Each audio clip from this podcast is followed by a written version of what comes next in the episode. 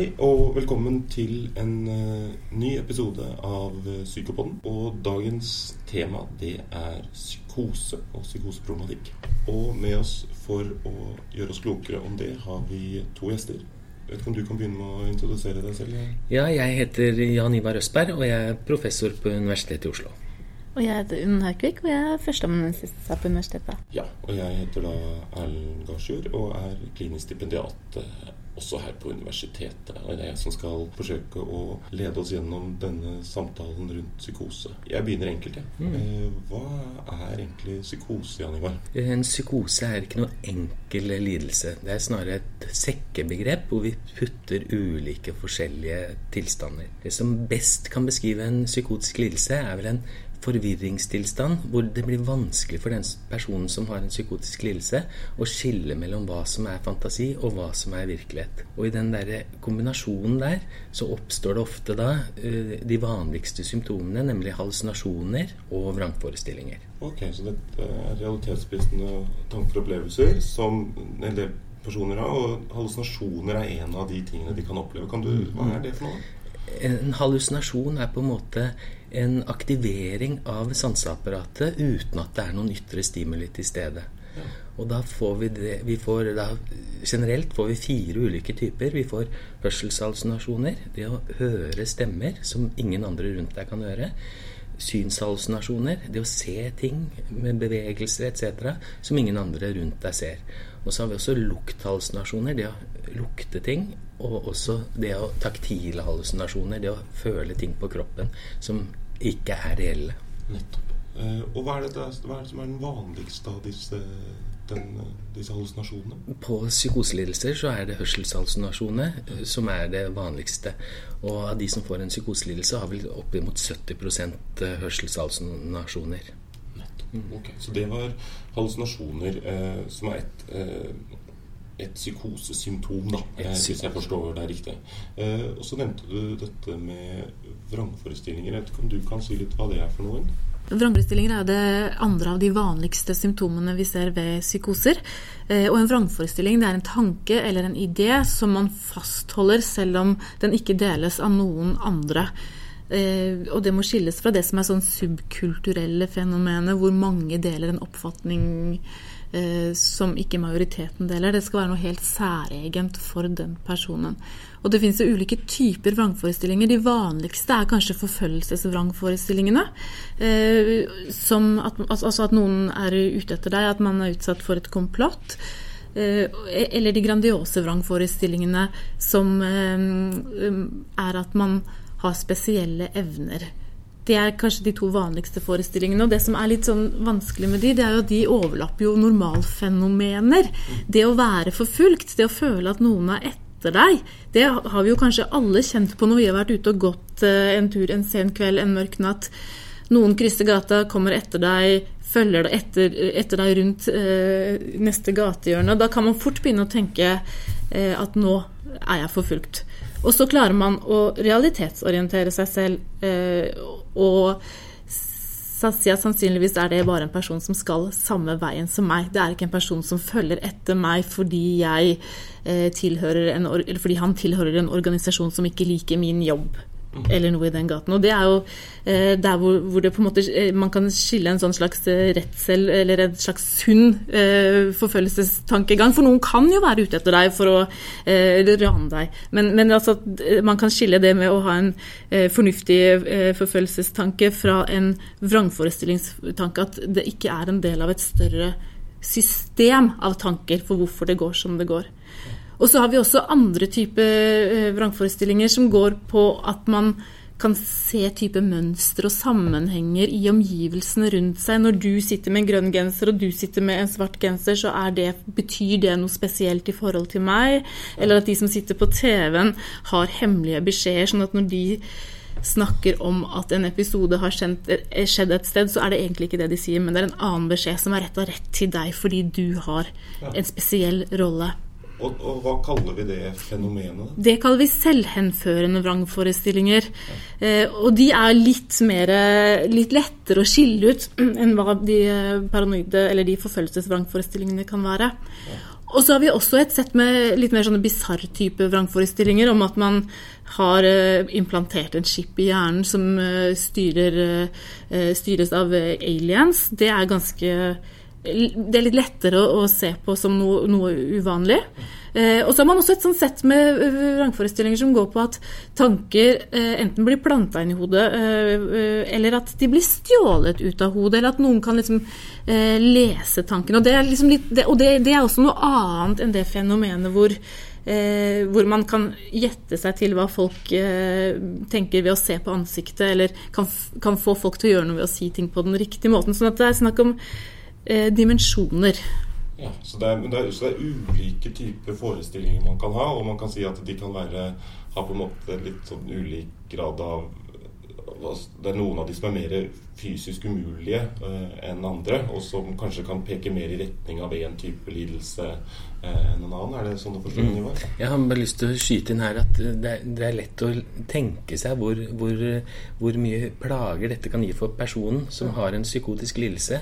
Når man tenker seg at de kan sitte på trikken, og at andre som er sammen, kan lese tankene sine, eller at man får tanker fra de andre, hvor, hvor mye angst og også depresjon dette kan gi, og også den isolasjonstendensen vi ofte kan se hos pasienter som har en psykotisk lidelse. det at de gjerne holder seg for seg selv, for. Ok, ja, nettopp, men Det er fint at du sier det, for det fører oss litt videre. fordi Hvis jeg har forstått ting riktig, så er de, altså det vi har snakket om til nå, altså hallusinasjoner og vrangforestillinger, er typiske eksempler på positive symptomer. Mm. Eh, og hva, Hvorfor heter det det positive symptomer? Po positive symptomer kaller vi det fordi det er et tillegg av noe som ikke skulle vært der. Ja. Hallusinasjoner, vrangforestillinger og tankemessig desorganisering er et tillegg av, av, noe som vi ikke skulle hatt der. Tankemessig desorganisering, det vet ikke jeg hva for noe.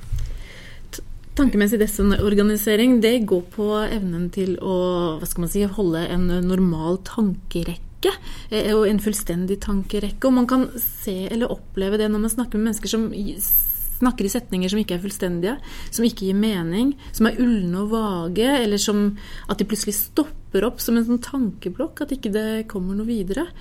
Og det er et ganske sånn tydelig eh, symptom. Ja, Så det gir seg uttrykk da i en sånn det vi kaller desorganisert tale? Er det riktig å forstå det sånn? Ja, det er kanskje sånn vi rette, rett, at vi rett og slett eh, lettest kan fange det opp som en desorganisert tale. Men Kan man si at dette da er forstyrrelser i tankenes form og organisering? Er det riktig å forstå det sånn?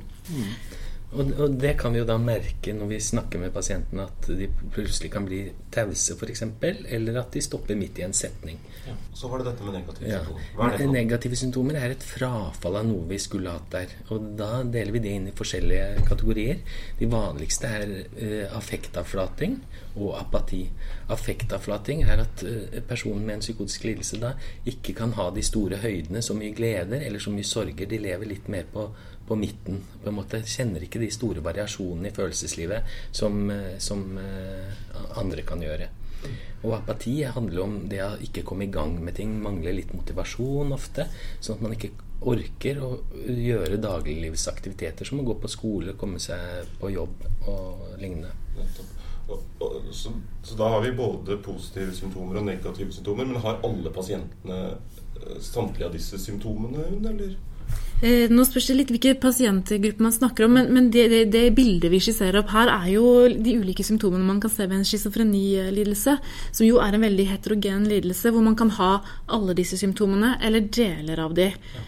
Og hvor man også kan ha eh, det som man eh, Mer sånn kognitive vansker, i, i, form av at man har et noe redusert arbeidsminne, at man har et litt redusert arbeidstempo, at man har sosialkognitive vansker, vansker med å lese andres ansikt eh, og hensikter, ja. Eh, som jo blir veldig sånne eh, funksjonelle vansker i hverdagen. Så det er, litt, det er, det er mange, mange ulike symptomkategorier som kan kombineres litt ulikt hos de ulike personene. Er det riktig å forstå det sånn? Mm. At, sånn sett er det en ganske En pasient da med en psykoselidelse kan ha ganske ulike symptomer hvis man sammenligner det med en, mm. en annen pasient? Er det ja, det er, det er, jo litt sånn at vi, som jeg sa, en psykoselidelse er jo et sekkebegrep. På samme måte er jo også schizofreni et sekkebegrep oppi psykosesekken. Ja. Eh, som er, du er veldig heterogen, som hun sa.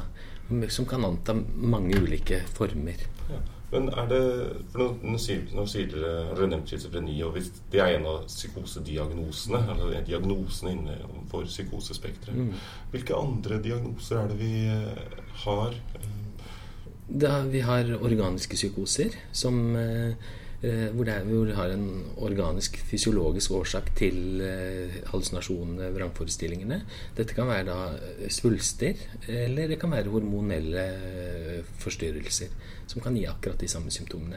Og Det er jo innmari viktig å ta tak i de, fordi der kan man rette på det, slik at personen blir kvitt disse symptomene. Så har vi også rusutløste psykoser, hvor vi har uh, ulike, ja, spesielt narkotiske stoffer som amfetamin, som kan gi også disse psykotiske symptomene, som hallusinasjoner og vrangforestillinger.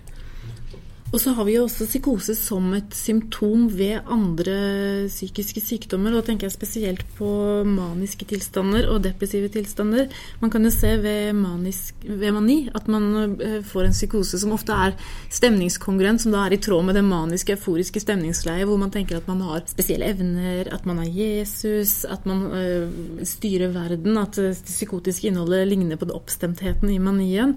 Og det samme med alvorlige depresjoner som kan anta eh, psykotiske dimensjoner når eh, man får vrangforestillinger om at man eh, er opphav til alt som er vondt i verden. Altså vrangforestillinger om skyld og skam, som man kan se ved veldig alvorlige depresjoner. Man kan se, høre, det, det, kan være hørselshallusinose med stemmer som forteller deg hvor udugelig det er, lukthallusinose som, som, Det bildet kan komme ved en alvorlig depresjon også. Mm. Så det, Man ser også psykosesymptomer ved andre eh, tilstander enn schizofreni. Bl.a. ved da sånn som jeg hører deg nå, hvis dette, de psykosesymptomene er begrenset til f.eks. maniske episoder og depressive episoder, da, eh, så kan man, blir man å tenke mer i at dette kan være en bipolar lidelse? Er det riktig å forstå det sånn? Ja, ved en bipolar lidelse, eller bare ved en vanlig depresjon som ikke er en del av et bipolart spektrum også. Ja, det man kaller en unipolar depresjon. Ja. Ja, og mellom der så har vi også de schizoaffektive lidelsene, hvor du også har den blandingen på mange måter, men da skal ha en periode med bare positive psykotiske symptomer uten å være deprimert eller manisk, men også i den største delen av perioden skulle ha, eh, være preget også av eh, affektive symptomer. Ja. Så det er en sånn mellomting av, i disse diagnosesystemene vi har. Og det tenker jeg jo er et veldig godt poeng. altså Schizoaffektiv lidelse illustrerer litt at dette er jo ikke sånne vanntette skott mellom diagnosene, men at psykose er en sånn dimensjonell, eh, et dimensjonelt fenomen mm. som man ser ved en rekke ulike sykdommer. Og Sånn som jeg har skjønt det, så er det også en del av disse psykotiske symptomene, f.eks. hallusinose. er det, Hvis du spør normalbefolkningen, så, eh, så, vil også noen si at de har i perioder kunnet oppleve dette, selv om vi ikke tenker at det er uttrykk for sykdom nødvendigvis. Det er jo så mye som 5-10% i normalbefolkningen som rapporterer at de har hørt en stemme, f.eks., som ikke har vært til stede. Så for å oppsummere litt i forhold til dette med diagnoser, så forstår jeg det sånn at vi ser psykosesymptomer da, ved noen psykiatriske lidelser, bl.a. schizofreni og dette med eh, depresjon og eh, bipolare lidelser. Og så ser vi også psykoser ved ruspåvirkning og ved noen da, somatiske sykdommer, f.eks. hjernesvulst eller hormonforstyrrelser. Og jeg, jeg, tenker sånn umiddelbart også på Parkinsons sykdom, som en del beskriver hallusinasjoner. Mm. Parkinson er et klassisk eksempel på en sånn organisk psykose, hvor du får reduksjon i dopaminproduksjonen. Og, og du kan få da hallusinasjoner og vrangforestillinger.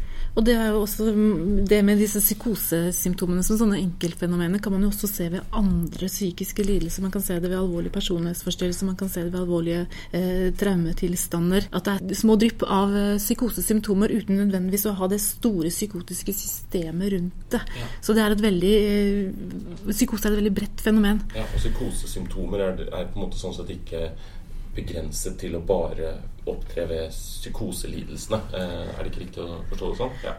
Eh, ok. Hvis vi nå holder oss til eh, de psykiatriske psykosediagnosene, så har, hvis jeg har forstått det riktig nå, så er jo de basert på hva pasientene forteller, og hva vi observerer av atferd, annet. Og det er da, som med de fleste andre psykiatriske diagnoser, deskriptive diagnoser, og sier jo ingenting om årsaker.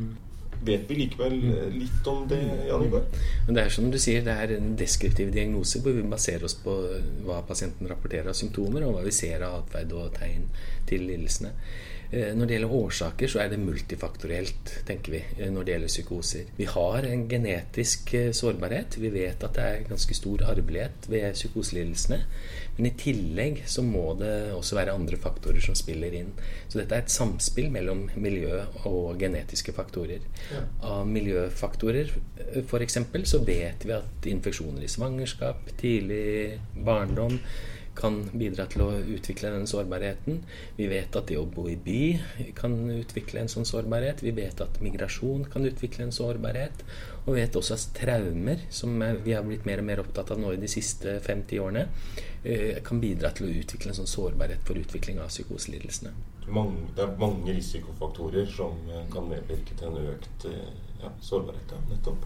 Ja, og Ved psykoselidelsen er kanskje dette spesielt tydelig at mange av de, eh, både de genetiske risikofaktorene og de miljøfaktorene de spiller inn mot det vi kaller en forstyrra nevroutvikling, eh, som kanskje ses spesielt tydelig ved psykosesykdommene, hvor man liksom legger til flere og flere eh, risikofaktorer, så øker sannsynligheten for å utvikle sykdommen. Og noen vil jo ha et psykosesykdomspreg som er tydelig fra ganske tidlig barndom, mens hos andre så vil dette debutere i mye høyere alder. Når det er så, så altså Det er jo en del ulike risikofaktorer som, har, som forskningen har identifisert. Da.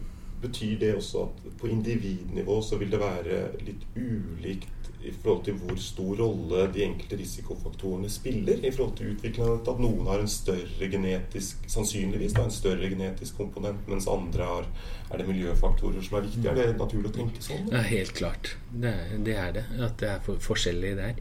Og når vi ser på forløpet av hvordan det går med de personene som har fått en psyk psykotisk lidelse, så er det veldig varierende. For en 20-30% så ser vi egentlig et veldig godt forløp. De har én psykotisk episode med hallusinasjoner og vrangforestillinger. Og så kommer de seg tilbake til hverdagslivet igjen ganske, ganske kjapt. Mens for en liten gruppe pasienter, på en, kanskje 10 der får vi et mer sånn kronisk, langvarig forløp. Hvor vi må, må, sette inn mange ulike psykososiale tiltak for at uh, de skal da få det de opplever som en uh, god livskvalitet. Så har vi en svær mellomgruppe hvor det er et varierende forløp. Så det, hva skal man si, Den heterogene sykdomsgruppen reflekteres også i, det, i heterogene forløp. Ja. Mm. Da er vi jo egentlig inne på hvordan det går med folk, og det tenker relatert til dette behandling. Og det er jo et såpass stort og viktig tema at jeg har egentlig tenkt til å dedikere en egen podkast eh, til. Så tenkte jeg også når du begynte å snakke om dette med nevroutvikling og sånn, så ble i hvert fall jeg veldig interessert. Og det tror jeg vi også må snakke om en annen gang, fordi der er det nok mye å diskutere og spennende ting. Så det høres ut som vi må finne tid til en annen gang.